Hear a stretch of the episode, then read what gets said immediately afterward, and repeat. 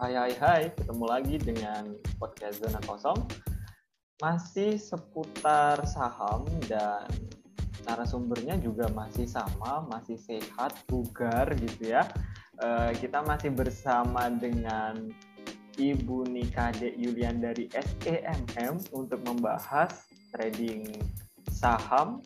Ya, siapa takut ya trading sahamnya. Tapi kali ini kita masuk ke episode terakhir nih teman-teman. Jadi uh, bakal seru saya rasa. Jadi tetap siapin kopi ya standar seperti biasa kopi cemilan atau uh, apa ya masalahnya sedikit dikurangi dulu ya. Hidup sudah terlalu seperti ini amburadul. Jadi uh, dengerin podcast ini ya dikosongin dulu lah ya. Seperti gelas kosong gitu kita sama-sama uh, nimba ilmu nih bareng narasumber-narasumber yang dihadirkan oleh zona kosong kita sambut saja teman-teman. Uh, Bu Kade, gimana Bu? Uh, masih sehat bener kan ya? Sehat, sehat pikiran, oh. portofolionya juga sehat, oh, makanya ya. bisa happy. Uh, sehat, semuanya sehat. Ya, oke. Okay. Uh, uh, aman berarti ya ini ya. Walaupun akhir-akhir tahun seperti ini trading aman ya, Joy? Aman, aman Pak. Jadi kalau akhir bulan gini malah kita terdampak ada window dressing kan. Oh, Jadi gitu. harga-harga oh, saham itu biasanya ya poles-poles lah gitulah ya sama orang-orang. Ya, Benar. Uh, berkaitan dengan moles moles sih harusnya ilmu akuntansi itu yang bicara itu kan ya. Iya, benar. Tapi kita nggak bahas akuntansi, cuy. Kita bahas ah, iya. tema kita hari ini uh, das uh, bandarmologi matter. Apakah bandarmologi itu benar-benar bekerja gitu untuk men-setting sedemikian rupa uh, sebuah trading di bursa efek suatu negara gitu. Nah, sebelum ke sana tapi uh, ngaruh nggak sih Bu kan kemarin tuh di episode berapa ya? Saya lupa buka dia tuh sempat cerita bahwa broker itu ada kode-kodenya gitu ya ada warnanya gitu. Ungu untuk yang mana merah untuk yang mana kemudian hijau untuk yang mana gitu. Nah e, ngaruh nggak sih bu informasi kayak volume trading dari broker-broker itu ketika kita sedang apa trading? Ngaruh nggak? Oke, okay, kalau bicara ngaruh atau enggaknya, kalau kita trading ya Pak, jadi jangan bicara investing dah. Kalau investing uh, udahlah kita beli saham, tinggal tidur itu nggak apa-apa gitu. Nah, kalau kita jadi trader ya kode apa namanya informasi tentang broker ini sangat penting sekali. Jadi kita uh, untuk mengetahui setiap hari itu siapa sih yang membeli saham A, saham B, saham C. Kemudian siapa yang membeli di harga apa namanya bukan di harga sih di volume paling banyak siapa yang membeli atau mengumpulkan saham itu paling banyak itu berguna banget bagi kita. Nah bahkan uh, kalau bagi trader di Indonesia itu sering banget kita ngikutin yang namanya broker asing. Jadi yang warna-warnanya merah itu Pak Bro hmm. jadi kalau yang warna-warnanya merah itu ngumpulin barang biasanya kita retail-retail ini uh, ikutan ngumpulin juga. Karena berarti beli ya Bu iya ikut beli juga. Jadi condong harganya di bawah naik gitu. Kalau sudah uh, akumulasi dari dari salah satu broker. Nah jadi ketika nanti dia mendistribusikan dalam artian dia menjual uh, sahamnya kita juga ikut jualan gitu. Berarti ngaruh banget ya cuy untuk apa ngaruh informasi banget. tentang broker itu. Nah uh, berarti kalau ini enggak sih? Saya sempat ada kayak pandangan gitu ya. Kalau memang benar-benar itu terjadi berarti kayak nggak nggak apa ya nggak rasional lagi gitu kita tradernya gitu. Setuju nggak buka deh tentang hal itu? Setuju banget Pak Iqbal. Jadi uh, kalau sudah ada bandarmologi gitu ya, jadi kita ngikutin bandar, kita ngikutin big money, kita mengabaikan yang namanya fundamental. Jadi kita nggak peduli mau saham itu busuk, mau saham itu seperti apa. Dalam artian mau saham itu barangnya nggak kita ketahui ya kita beli aja gitu. Karena kita tahu bahwa big money atau si bandar ini lagi ngegerakin harga sahamnya. Nah, percuma kan kalau kita membeli saham yang fundamentalnya bagus, tapi ternyata sama bandar mereka nggak tertarik buat beli saham itu. Nah, kita tujuannya kalau trader tuh kan buat nyari cuan, buat nyari untung. Bodo amat lah ya dong, dengan itu ya. Iya, bodo amat lah dengan fundamental, dengan technical analysis kalau memang bandarnya nggak tertarik sama hal itu. Tapi kalau bandarnya ikutan mengumpulkan itu dalam artian membeli sahamnya itu secara besar-besaran, ya kita juga ikutan. Jadi di dalam saham itu big money atau bandar itu sangat berpengaruh sekali. Dialah yang menggerakkan harga saham. Oke. Itu bukan kita retail-retail kecil ini ya, apalah modal Nah, modal Kayak paus berapa sama ikan ini juta. kali ya, ikan yang kecil-kecil gitu kali ya cuy. Ikan Iya. kecil kan ikut di bawahnya gitu kan. Iya. Oke. Eh, berarti secara nggak langsung Bu Kadek percaya ya Bu ya sama bandarmologi itu mempengaruhi trading di suatu negara. Iya. Percaya Percaya banget banget ya. Pak Iqbal. Karena udah merasakan rasanya ikut bandar itu gimana. Hmm. Apalagi kalau mereka kita tahu kan dari broker summary-nya, oh eh, broker ini lagi ngumpulin barang nih. Nah, mulai deh kita ikutan koleksi juga. Oh, kayak Gitu. Walaupun nggak nggak nggak langsung hari itu juga dinaikkan harganya, tapi setidaknya kan kalau dia sudah ngumpulin barang paling nggak satu dua bulan itu harganya dibawa naik lagi. Nah, eh, kalau di teori akuntansi Bu, sama ke dosen saya tuh sering apa ya, sering jelasin gitu bahwa investor itu ada dua jenis ya. Ada yang naif, artinya dia ya bodo amat gitu lah ya, yang penting cuan, entah dia ngikut siapa. Ada yang rasional gitu, dia memang pakai fundamental dan seterusnya. Yang bahasa Bu Kade kemarin kualitatif sama kuantitatif gitu kan tekniknya. Iya. mm-mm. Eh, dengan adanya bandarmologi seperti ini, Bu Kade memandang iklim kayak prospek untuk anak-anak muda nih untuk trading saham itu seperti apa, Bu? Skeptis, kemudian anak-anak jadi nggak belajar tentang apa ya ilmu saham atau gimana, Bu? Kalau Bu Kade mandang kalau bandarmologi seperti itu. Oke, eh, emang ini dilema sih Pak Iqbal ya sampai ada peraturan dari Bursa Efek Indonesia karena Bursa Efek Indonesia juga memandang bahwa sekarang itu eh, investor-investor yang ada di Bursa Efek Indonesia mereka tidak lagi melihat eh, perusahaan itu dari sisi fundamentalnya, tapi main asal beli aja gitu. Nah itulah yang ingin dikembalikan oleh Bursa Efek Indonesia, makanya ada pemberlakuan yang tanggal 6 ini gitu. Jadi penutupan kode broker. Kenapa kode brokernya itu ditutup ya salah satu alasannya karena selama ini ya udah eh, laporan keuangan yang dirilis sama BI ya udah tinggal laporan keuangan aja itu jarang dibaca. Karena anak-anak muda zaman sekarang lebih banyak ngikutinnya ketika big money itu ketika bandarnya ngumpulin saham itu di harga tertentu ya mereka ikut-ikutan aja tanpa mengetahui prospek perusahaannya itu seperti apa intinya mereka tuh kayak nggak kenal gitu sama perusahaannya tapi main asal beli aja gitu Ternaif Itulah berarti ya kalau bahasa dosen saya ya. Iya, jadi kayak nggak kenal sama perusahaannya, tapi pengen cuan di sana gitu. Sebenarnya kan em, apa ya? Eh, keinginan kita untuk berinvestasi di saham itu kan bukan seperti itu sebenarnya. Dan BI pun saya yakin juga keinginannya untuk menarik investor supaya mau berinvestasi di bursa saham bukan seperti itu keinginannya, tetapi ingin juga si investor ini paham betul bahwa perusahaannya itu seperti apa eh, dari sisi keuangannya, gitu ya. prospeknya seperti apa gitu. Oke, berarti eh, apalagi ditambah generasi sekarang tuh kan yang kata orang serba instan ya Bu ya maunya apa-apa instan gitu. Jadi ya Hmm. kayak mendukung mendukung sekali ya untuk milenial lari ke arah ya udah ngikut eh, big money aja gitu ya Bu ya. Mau cepet pokoknya, mau cepet untung gitu. Padahal Oke. kan kalau kita eh, apa ya kita jadi trader, kita siap untung 100 juta, kita harus siap juga buntung 100 juta kan Pak Iqbal. Oke. Jadi resikonya seperti itu. Ketika kamu siap untung 100 juta, kamu harus siap juga buntung 100 juta gitu. Resikonya seperti itu. Kadang Makanya kita harus siap ini ya, siap untung doang ya kebanyakan ya. Termasuk saya kali ya Bu ya. Saya itu kalau untung ya siap banget gitu, tapi kalau buntung ya nggak siap gitu.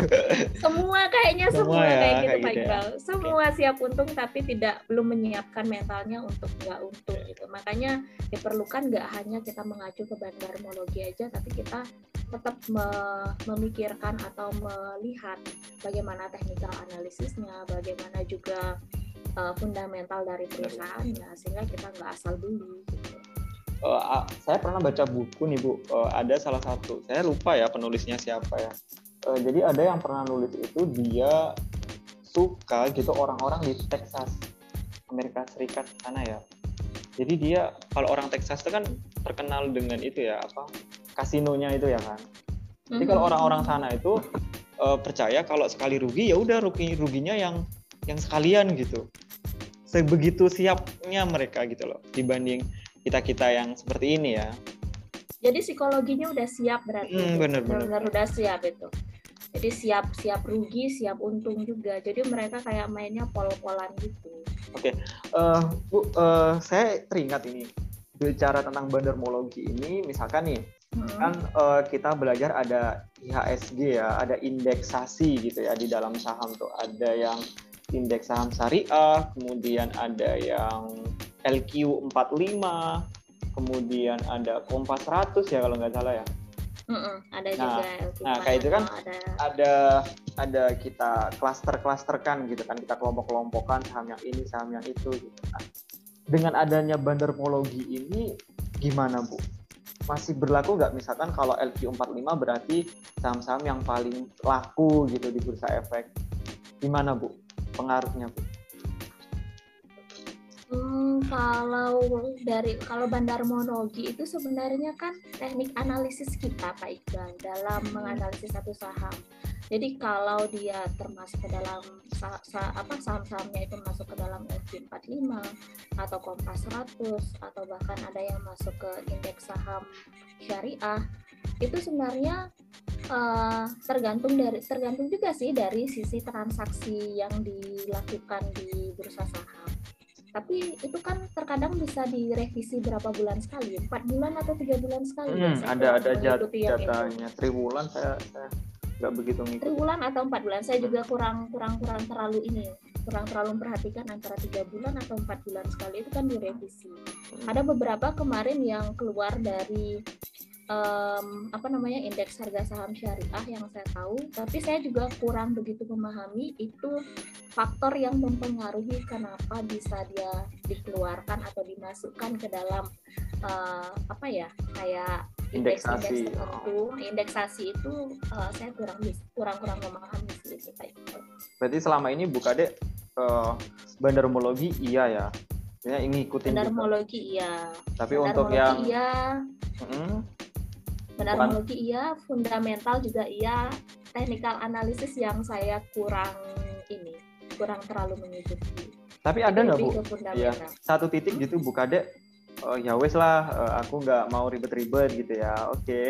uh, eh, easy going aja. Ini aku nyantai nih uh, ngikutin kamu gitu. Pernah nggak ngikutin si ini apa broker-broker itu tadi?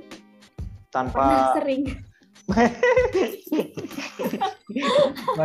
salah satu salah salah salah satu eh apa namanya ya analisis yang saya andalkan itu malah bandarmologinya Pak Iqbal. Oh, karena gitu. saya ngerasa lebih enak ngikutin ini big money-nya itu daripada harus ribet-ribet baca ini itu gitu ya. Tapi saya nggak nggak memungkiri juga memang penting sekali untuk melihat fundamental dari satu perusahaan. Cuman uh, kalau saya ngikutin si big money-nya ini, ngikutin bandarnya ini, saya nggak berani pegang barang itu terlalu lama. Jadi paling nggak satu minggu atau enggak paling maksimal satu bulan ya. Ini kebetulan lagi megang yang dipegang sama bandar, tapi belum saya taking profit karena memang belum hit, 10 persen aja gitu, belum 10 persen aja. Masih terakhir tadi ngecek di bursa masih 4 persen. Hanya belum saya ini, belum belum taking profit dan bandar sebenarnya juga kebetulan masih ngumpulin itu makanya saya nggak nggak nggak jual juga gitu oke okay. jadi penutupan kode broker ini kan bakalan berlaku sampai tanggal eh sampai dari tanggal 6 6 apa itu 6 sampai 6 Desember oh. hari Senin besok ini sudah mulai penutupan kode broker di running trade-nya. Jadi biasanya nih Pak Iqbal setiap hari itu kan kita melihat running trade. Jadi saham apa saja yang diperjualbelikan, kemudian siapa saja yang membeli saham itu. Itu biasanya kelihatan dari kode broker. Nah, sama bursa efek Indonesia itulah yang ditutup. Jadi kita kayak trading itu kayak kayak orang buta gitu kita nggak tahu siapa yang beli barang ini kita nggak tahu siapa yang ngumpulin barang ini entah saham yang kita beli sedang dikumpulkan atau sedang didistribusikan kita nggak nggak nggak tahu kita tahunya nanti setelah n setelah berakhirnya uh, sesi satu dan sesi dua. Baru kita tahu broker saham siapa yang menjual siapa yang ngumpulin barang. Oh tetap kita dikasih tahu ini ya lah ya apa infonya. Cuma ketika running trade nggak dikasih tahu tapi nanti ketika penutupan berarti nanti untuk yang sesi duanya bisa ancang-ancang ya Bu ya? Karena udah tahu nih eh, penutupan sesi satu kan kata Bu Kade dikasih tahu ya nanti ya enggak uh, sesi satu sama berakhirnya sesi satu sama sesi dua jadi di terakhir nanti oh di terakhir penutupan hari itu berarti penutupan hari itu Oh. Jadi nggak bisa ancang-ancang di sesi dua. Berarti... Sebenarnya penutupan hmm? sebenarnya penutupan kode broker ini Indonesia termasuk lambat sih Pak Iqbal karena bursa luar kan sudah dari dulu melakukan ini. Mungkin ada maksud tertentu ya, maksud tertentu biar apa namanya narik investor-investor muda atau yang baru kenal saham gitu kan. Iya, tujuannya memang itu. Hmm. Jadi bandarmologi itu kan kayak booming banget ya Bu ya di YouTube. Saya beberapa kali itu sempat lihat apa youtuber-youtuber itu bahas itu gitu. Booming satu setengah tahunan ini Pak Iqbal selama pandemi. Selama pandemi ini kan banyak banget investor-investor baru, anak-anak muda yang baru join ke bursa saham. Nah, nah jadi mereka hmm. mungkin mungkin ngelihatnya kan anak-anak muda ini uh, dari sisi membaca mungkin agak sedikit kurang gitu sehingga apa namanya lebih mengikuti ke bandarmologi. Oke, Bu, bandarmologi itu apa sesimpel itu ya? Hanya ngelihat volumenya, kemudian ngumpulin saham, apa apa ada gitu eh, indikator-indikator lain atau uh, sesuatu yang perlu kita pelajari lebih dalam gitu? Uh, sebenarnya hmm? Sebenarnya dibilang sederhana nggak juga Pak Iqbal karena kita tahu kan ya dalam uh, saya aja bisa membuat berbagai macam sekuritas atau saya aja bisa membuat uh, beberapa rekening dana nasabah. Nah, bagaimana seorang bandar? Seorang bandar pasti bisa lah membuat rekening dana nasabah yang lainnya. Dalam artian ketika dia punya barang di sekuritas A, misalkan dia nih pengen nggak nggak nggak diketahui sama orang lain, dia lagi ngumpulin barang. Nah kemudian dia transfer aja nih ke broker yang lagi satu atau ke sekuritas yang lagi satu. Sehingga nggak ketahuan dia lagi ngumpulin barang gitu. Sehingga kita para retail ini yang nggak terlalu cermat kita mikirnya oh ini udah distribusi nih. Padahal itu bukan distribusi hanya saja si bandar ini memindahkan sahamnya ke sekuritas yang dia punya lagi satunya jadi sebenarnya nggak sesimpel itu gitu sehingga memang perlu kehati-hatian dan perlu juga di sini kita uh, banyak mempelajari banyak banyak belajar dan banyak pengalaman supaya itu kalau kita hanya mengajar mengandalkan belajar teori saja udah kita ikut fundamental aja. Tapi di sini diperlukan kita belajar teorinya juga kita cari pengalamannya juga kita supaya tahu juga si bandar ini atau dengan kode broker ini biasanya dia mainnya tuh kayak gimana gitu atau dia uh, cara pemindahan sahamnya seperti apa itu sih selama ini yang saya Bu, pelajari. Apa yang paling buka dek takutkan ya Bu ya ketika tanggal 6 itu benar-benar terjadi ditutup sedangkan tadi buka dek cerita ada yang di hold sampai hari ini dan itu ikut uh, bandar gitu. Nah, apa yang paling buka dek takutkan kalau tanggal 6 itu uh, terjadi? Apa ya banyak hal sebenarnya Pak Iqbal. Yang Takutnya paling, sih lebih yang paling ditakutin itu harga sahamnya di bawah atau sahamnya tiba-tiba nggak ada big money yang mau nangkep gitu aja. Jadi kalau dilepas benar-benar diguyur sama big money-nya dalam artian semua retail yang beli kan nggak ada yang menggerakkan harga saham tersebut. Ya kita gontok-gontokan aja sama sesama retail jadinya sehingga harga sahamnya segitu-segitu aja nggak bisa naik juga Bu kalau kita bicara tentang kapitalisasi kemudian apa uh, volume pasar yang dikuasai gitu dan seterusnya itu ya Bu ya Um, Bu Kade setuju nggak kalau misalkan penutupan kode broker itu kalau dilihat dari sisi-sisi tertentu justru nggak fair gitu, menurut saya. Karena uh, bisa jadi di luar itu mereka bermain, kan siapa yang tahu juga gitu. Masing-masing broker ini kemudian mengatur sedemikian rupa dengan pihak-pihak tertentu gitu ya, sehingga kan nggak fair ya.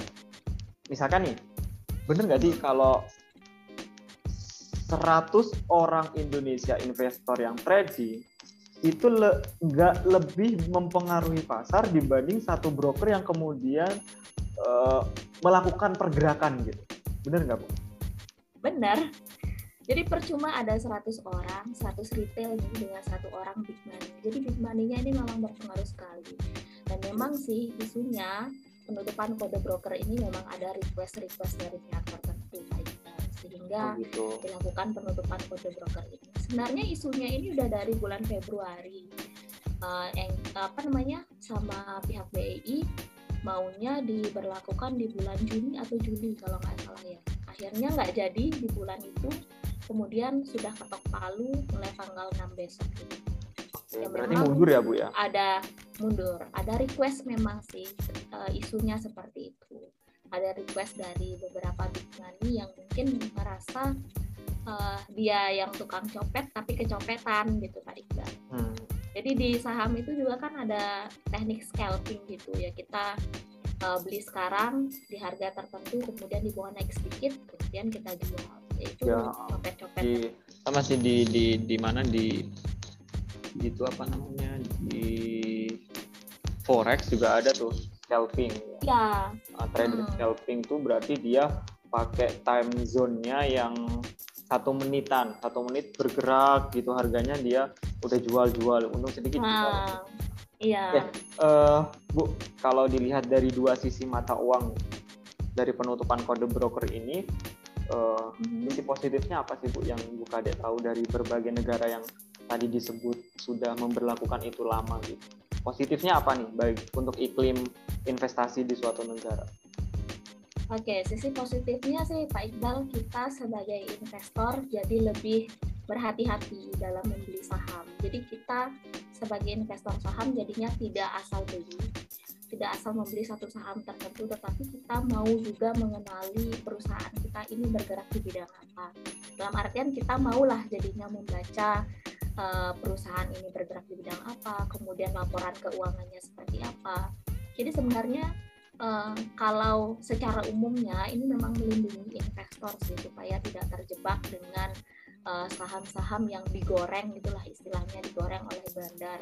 Kemudian kita terjebak di sana harganya dibuat turun nggak dinaikkan. Nah itu yang dikhawatirkan sama pihak BI. Jadi pihak BI ini seperti kasihan lah sama investor-investor baru yang terjebak sama uh, apa bandar mologi. Jadi uh, sisi positifnya ya kita mau membaca dan kita mau mengenali apa yang kita beli itu apa barang yang kita beli itu sih. Jangan sih hanya ikut-ikutan ya bu ya. Ya jangan hanya ikut-ikutan satu apa namanya satu broker tertentu kemudian kita nggak tahu harganya bakal dibawa ke mana kita juga jangan ikut-ikutan sama influencer. Kan banyak banget nih Pak Iqbal influencer-influencer saham yang bilang ayo beli saham ini nanti harganya akan auto reject atas. Besok dibawa auto reject atas lagi. Padahal yang seperti itu ya dia udah punya barang kemudian besok dia siap-siap jualan gitu. Sehingga yang jualan itu eh sorry sehingga yang beli itu ya kita kita yang termakan omongan dari influencer ini. Ya perlu hati-hati juga di sana penutupan kode broker ini ya kita negatifnya itu Pak Iqbal. Tadi tadi kan sisi positifnya posisi negatifnya itu ketika kita ikut-ikutan influencer ini jadinya ya ketika dia jualan kita nggak tahu dia udah jualan apa belum. Gitu. apakah kita sedang menangkap pisau jatuh atau bagaimana gitu. Itu yang yang, yang menjadi sisi negatifnya. Kita jadinya nggak tahu dan kemungkinan itu. ya kita nggak tahu ya ada permainan apa di belakang itu kan hmm, benar. nah saya setiap uh, saya percaya bahwa setiap kebijakan di suatu negara itu pasti ada apa ya diboncengi oleh kepentingan-kepentingan tertentu gitu ya.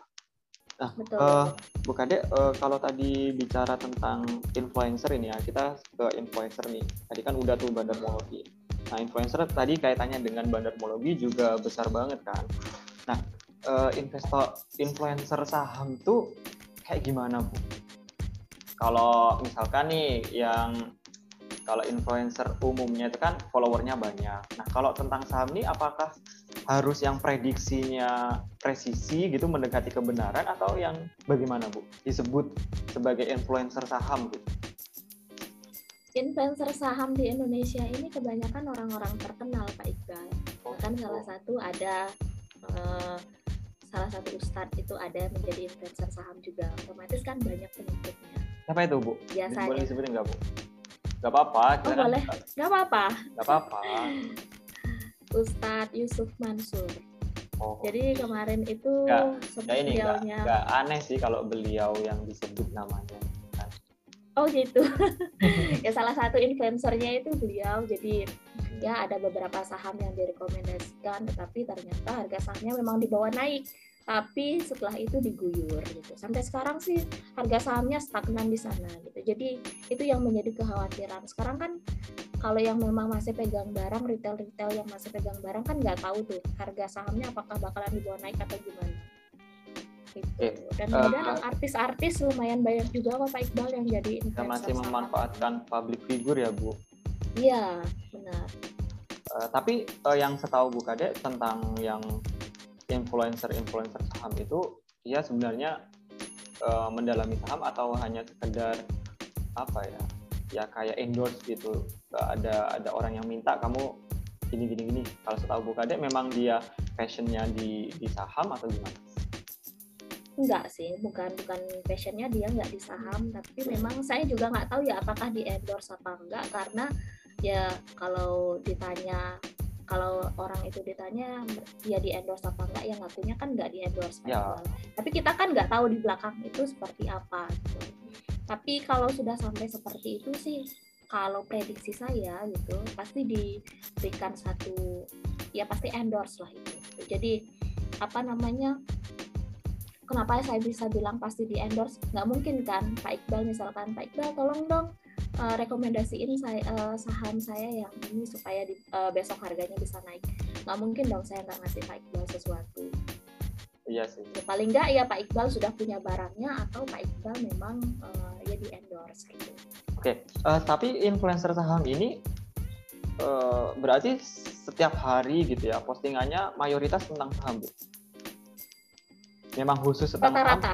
rata-rata ya. Rata-rata. Tapi kecuali si Pak Ustadznya itu. Pak Ustadznya itu nggak nggak nggak terlalu sering memposting tentang saham. Tapi beberapa kali ya tentang saham itu yang dia pegang. Tapi kalau ada beberapa influencer ya yang nggak apa namanya uh, yang memiliki satu grup tertentu bukan public figure itu hampir ya. setiap hari merekomendasikan ini dan itu. Jadi itu ya oke. okay. Tapi dari analisa Bukade nih, dari masing-masing influencer itu, karena kalau misalkan orang punya, mohon maaf ya, kalau punya apa ya, alat analisis yang sama, apalagi kalau tentang saham itu kan berarti kayak ilmu pasti ya, bukan kayak ilmu sosial ya. Maksud saya mm-hmm. eh, angka-angkanya bisa dilihat, kalau memprediksi mm-hmm. berarti bisa di probabilitasnya bisa di, dihitung dengan cara yang sama. Nah, dari sekian banyak influencer itu menurut Bu Kade sama nggak sih apa kayak benang merah mereka menuju ke satu uh, apa ya kode kode saham ini gitu hampir sama gitu atau memang beda-beda bu?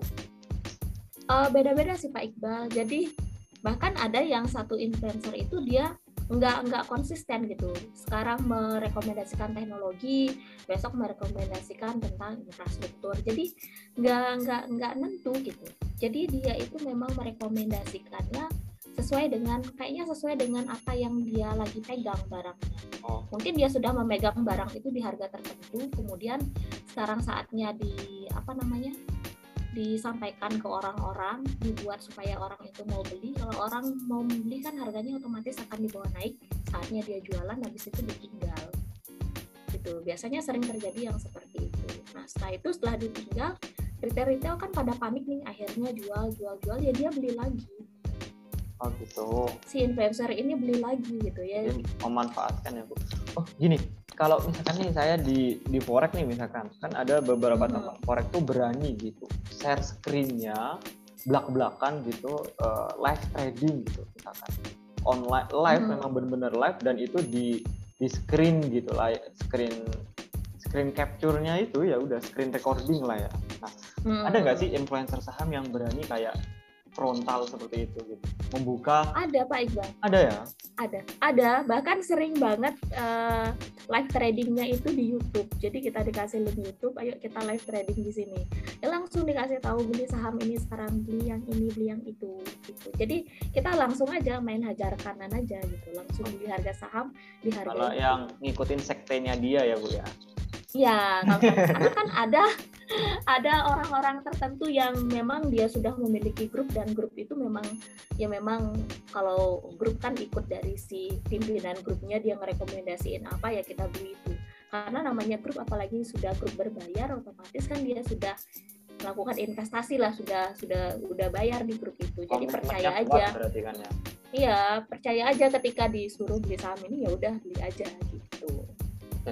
Eh, terakhir bu karena waktunya sudah mepet sekali eh, Hmm. bagaimana tanggapannya Bu Kade setelah tanggal 6 ini seasik apa sih Bu trading tanpa kode broker menurut Bu Kade Hmm, setelah tanggal ini, setelah tanggal 6 ini sih, kalau menurut prediksi saya akan terjadi penurunan sih Pak Iqbal, penurunan aktivitas jual beli. Karena kan trader-trader pemula itu agak sedikit kaget lah dengan yang biasa dia lakukan. Biasanya kan kita terbiasa melihat running trade, nah running trade yang ada kode brokernya. Nah sekarang running trade-nya nggak ada kode broker ya seperti yang saya bilang tadi, kita kayak dibuat buta gitu untuk eh, trading gitu. Jadi saya pikir orang pasti akan berhati-hati ketika dia akan membeli saham tertentu. Kita kan nggak tahu saham itu apakah sedang dijual atau sedang diakumulasi. Sehingga kalau menurut prediksi saya sih eh, apa setelah tanggal 6 ini beberapa orang mungkin akan berhati-hati dalam melakukan transaksi jual beli sehingga mungkin IHSG-nya mungkin bisa agak turun sedikit. Gitu. Jadi kalau dibilang seasik eh, sebelum tanggal 6 atau enggak saya pikir sih lebih asik kalau kita bisa melihat kode brokernya Pak Iqbal. Jadi kayak kita bisa ya kalau kita lagi ujian ada contekannya lah gitu. Jadi kita bisa ada oh, kisi-kisinya lah tuh ya ada kisi-kisinya gitu. Jadi kalau nggak ada kode brokernya itu gimana ya? Kurang enak aja, kurang seru aja gitu. Karena kita nggak tahu siapa yang melakukan net sell, net buy gitu kita nggak nggak tahu. Jadi Bu Kade itu ya eh, berharap tanggal 6 memang nggak terjadi penutupan kode broker ya Ya sebenarnya udah happy banget dari Februari kemarin ditunda, ditunda, ditunda. Eh ternyata hadiah mau menjelang tahun baru malah seperti ini.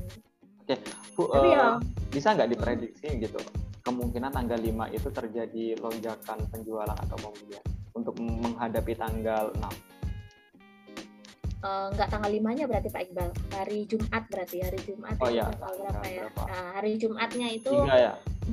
ya. Hari Jumat kan biasa Pak Iqbal menjadi hari taking profit Se Indonesia, kan? biasanya Oh. se Indonesia. Nah kemungkinan sih banyak yang akan menjual sahamnya dulu. Sem- apa sehingga pas tanggal 6 itu kita wait and see aja dulu gitu bagaimana kelanjutan. Saya pun juga tanggal 6 itu mau ngosongin Porto gitu. Sebelum tanggal 6 hari Jumat besok ini mau saya kosongkan dulu portofolionya. Berarti ditarik sekalipun masih dulu. minus sekalipun masih minus dijual aja dulu. Nggak nggak narik dana di rekening dana nasabah sih. Jadi dananya masih tetap di RDN di rekening dana nasabah. Cuman portofolionya aja yang Yang kosong. dulu. Hmm. Berarti ada persiapannya Bu Kade ya Bu eh, Ya, pengalamannya Bu. Kade di akhir-akhir tahun seperti ini apalagi tadi ada tanggal 6 seperti itu gitu ya Eh, kayak Hmm. apa ya kayak Desember efek atau apa ya namanya istilahnya saya nggak tahu ya nah itu ngal- apa orang-orang kalau hari raya itu lebih kalem ya Bu yang ngeluarin uang untuk saham Bu atau gimana kalau dulu sih Desember malah kita jor-joran Pak Iqbal Oh, karena gitu. kan windrest kan Hmm. Kalau kan biasanya Ya. window dressing kan dibuat naik kan harganya malah kita jor-joran ngeluarin barang, eh ngeluarin uang sehingga IHSG kan menjadi uh, tinggi nilainya menguat gitu sehingga nggak tahu sih setelah tanggal 6 ini apakah bakal jor- jor-joran apa gimana. Cuman ini dilemanya kan ada dua tanggal 6 penutupan kode broker dan Desember ini terakhir untuk window dressing. Oh, Jadi ada ada larangannya juga. see. Oh, maksudnya larangan Desember sih. akhir tahun window dressing gitu kan ya maksudnya ya? Nah, jadi kita Oh, masih ngeliat aja gitu, masih wait and see dulu setelah tanggal 6 ini bagaimana. Kemudian kalau memang ternyata uh, tidak terlalu mempengaruhi psikologi, kemungkinan sih kembali trader seperti semula gitu. Tapi masih ngelihat dulu sih. Sekarang nih masih agak-agak takut gitu Pak Iqbal mau beli barang karena nggak tahu setelah tanggal 6 itu nanti seperti apa. Gitu. Jadi lebih baik kosongkan portofolio aja biar tidurnya nyenyak. Oke, terakhir Bu, eh, Bu Mm-mm. Kade akan ke teknik mana Bu setelah kode broker ini dibentuk? Lebih condong ke mana? Influencer, percaya dengan teknik kuantitatif kualitatifnya ala Bu Kade atau ada grup-grup tertentu yang eh, sektenya udah merasuk ke diri Bu Kade? Em, kalau saya sih eh, karena masih tertolong dengan ada broker summary, kemungkinan akan lebih berhati-hati untuk membeli barang. Untuk menu, eh, beli barangnya itu kalau bisa sih besoknya gitu. Setelah saya mengetahui dulu siapa yang mengakumulasi barang itu, kemudian dikombinasikan dengan fundamentalnya, fundamental dan news tentunya. Jadi kalau memang dari sisi fundamentalnya dia oke, newsnya juga sangat mendukung ya why not untuk kita koleksi gitu. kemudian kalau grup-grup yang mendukung kebetulan saya eh, kayaknya pernah saya bilang juga ya sama teman-teman di sini saya ada salah satu grup yang memang dia grupnya nggak berbayar. Orang itu murni mengajarkan eh, tentang saham itu seperti apa. Dan dia juga memberikan sih pandangan eh, harga saham ini harusnya eh, bisa agak turun sedikit kita diminta untuk sabar untuk entry. Jadi ada satu grup yang memang saya ikuti dan itu memang bukan grup rekomendasi saham tetapi grup yang khusus mengajari tentang saham itu seperti apa, kapan best entry dan best kita keluar dari saham itu. Oke. Itu sih eh, Pak Iqbal. Ya, menarik Bu Kade ya. Saya eh, doakan buat teman-teman semua, termasuk Bu Kade gitu ya, tetap semangat tradingnya walaupun kode brokernya ditutup, tapi masih bisa eh, ngobrak-abrik summary-nya per harinya gitu ya Bu ya. Oke, eh, terima kasih teman-teman sudah ngikutin podcast series-nya tentang trading saham eh, dari episode 1 sampai episode 4 ini. Jadi terima kasih Bu Kade juga, terima kasih dan teman-teman antusiasnya Sama-sama. bagus sih Bu ya. Eh, grafik saya di podcast eh, terus meningkat gitu. Jadi Wow. saya rasa, eh, bagus sekali ya eh, apa feedbacknya dari teman-teman. Oke. Jadi Ya, mudah-mudahan supaya Ya. podcastnya tetap ramai ya Pak Iqbal. Iya benar-benar benar. Jadi eh, ditunggu saja teman-teman nanti kolaborasi lebih lanjut dengan tentunya dengan UKD gitu ya di tema-tema yang lain dan kalian jangan lupa juga follow IG-nya Zona Kosong di @zonakosongku dan follow juga ini wajib di Spotify atau di Google Podcast gitu ya di zona spasi kosong dengan Z dan besar besar. Oke, terima kasih Bu Kade dan teman-teman semua sekali lagi mohon maaf Sama-sama. ya saya mewakili Bu Kade apabila ada salah kata, kemudian kayak guyonan kita terlalu garing dan memaksakan orang untuk tersenyum gitu ya Bu Kade ya. Kadang eh, saya dengar tuh eh, apa ya eh, openingnya terlalu keras, kadang suara saya dan seterusnya mungkin mengganggu ketika sedang pakai earphone atau headset gitu ya. Mohon maaf ya, tapi inilah perjalanan podcast zona kosong gitu ya. Kita akan ngakak bersama nanti kalau bener-bener ini bermanfaat untuk banyak orang gitu. Ya, mudah-mudahan Ya. selalu bermanfaat Iqbal. Ya terima kasih Bu Kade sekali lagi dan teman-teman eh, pantengin terus podcast zona kosong tentunya dengan saya Iqbal dan beragam eh, tema dan narasumber lain. Tetap di sini ya, jangan ke mana-mana, stay tune di zona kosong.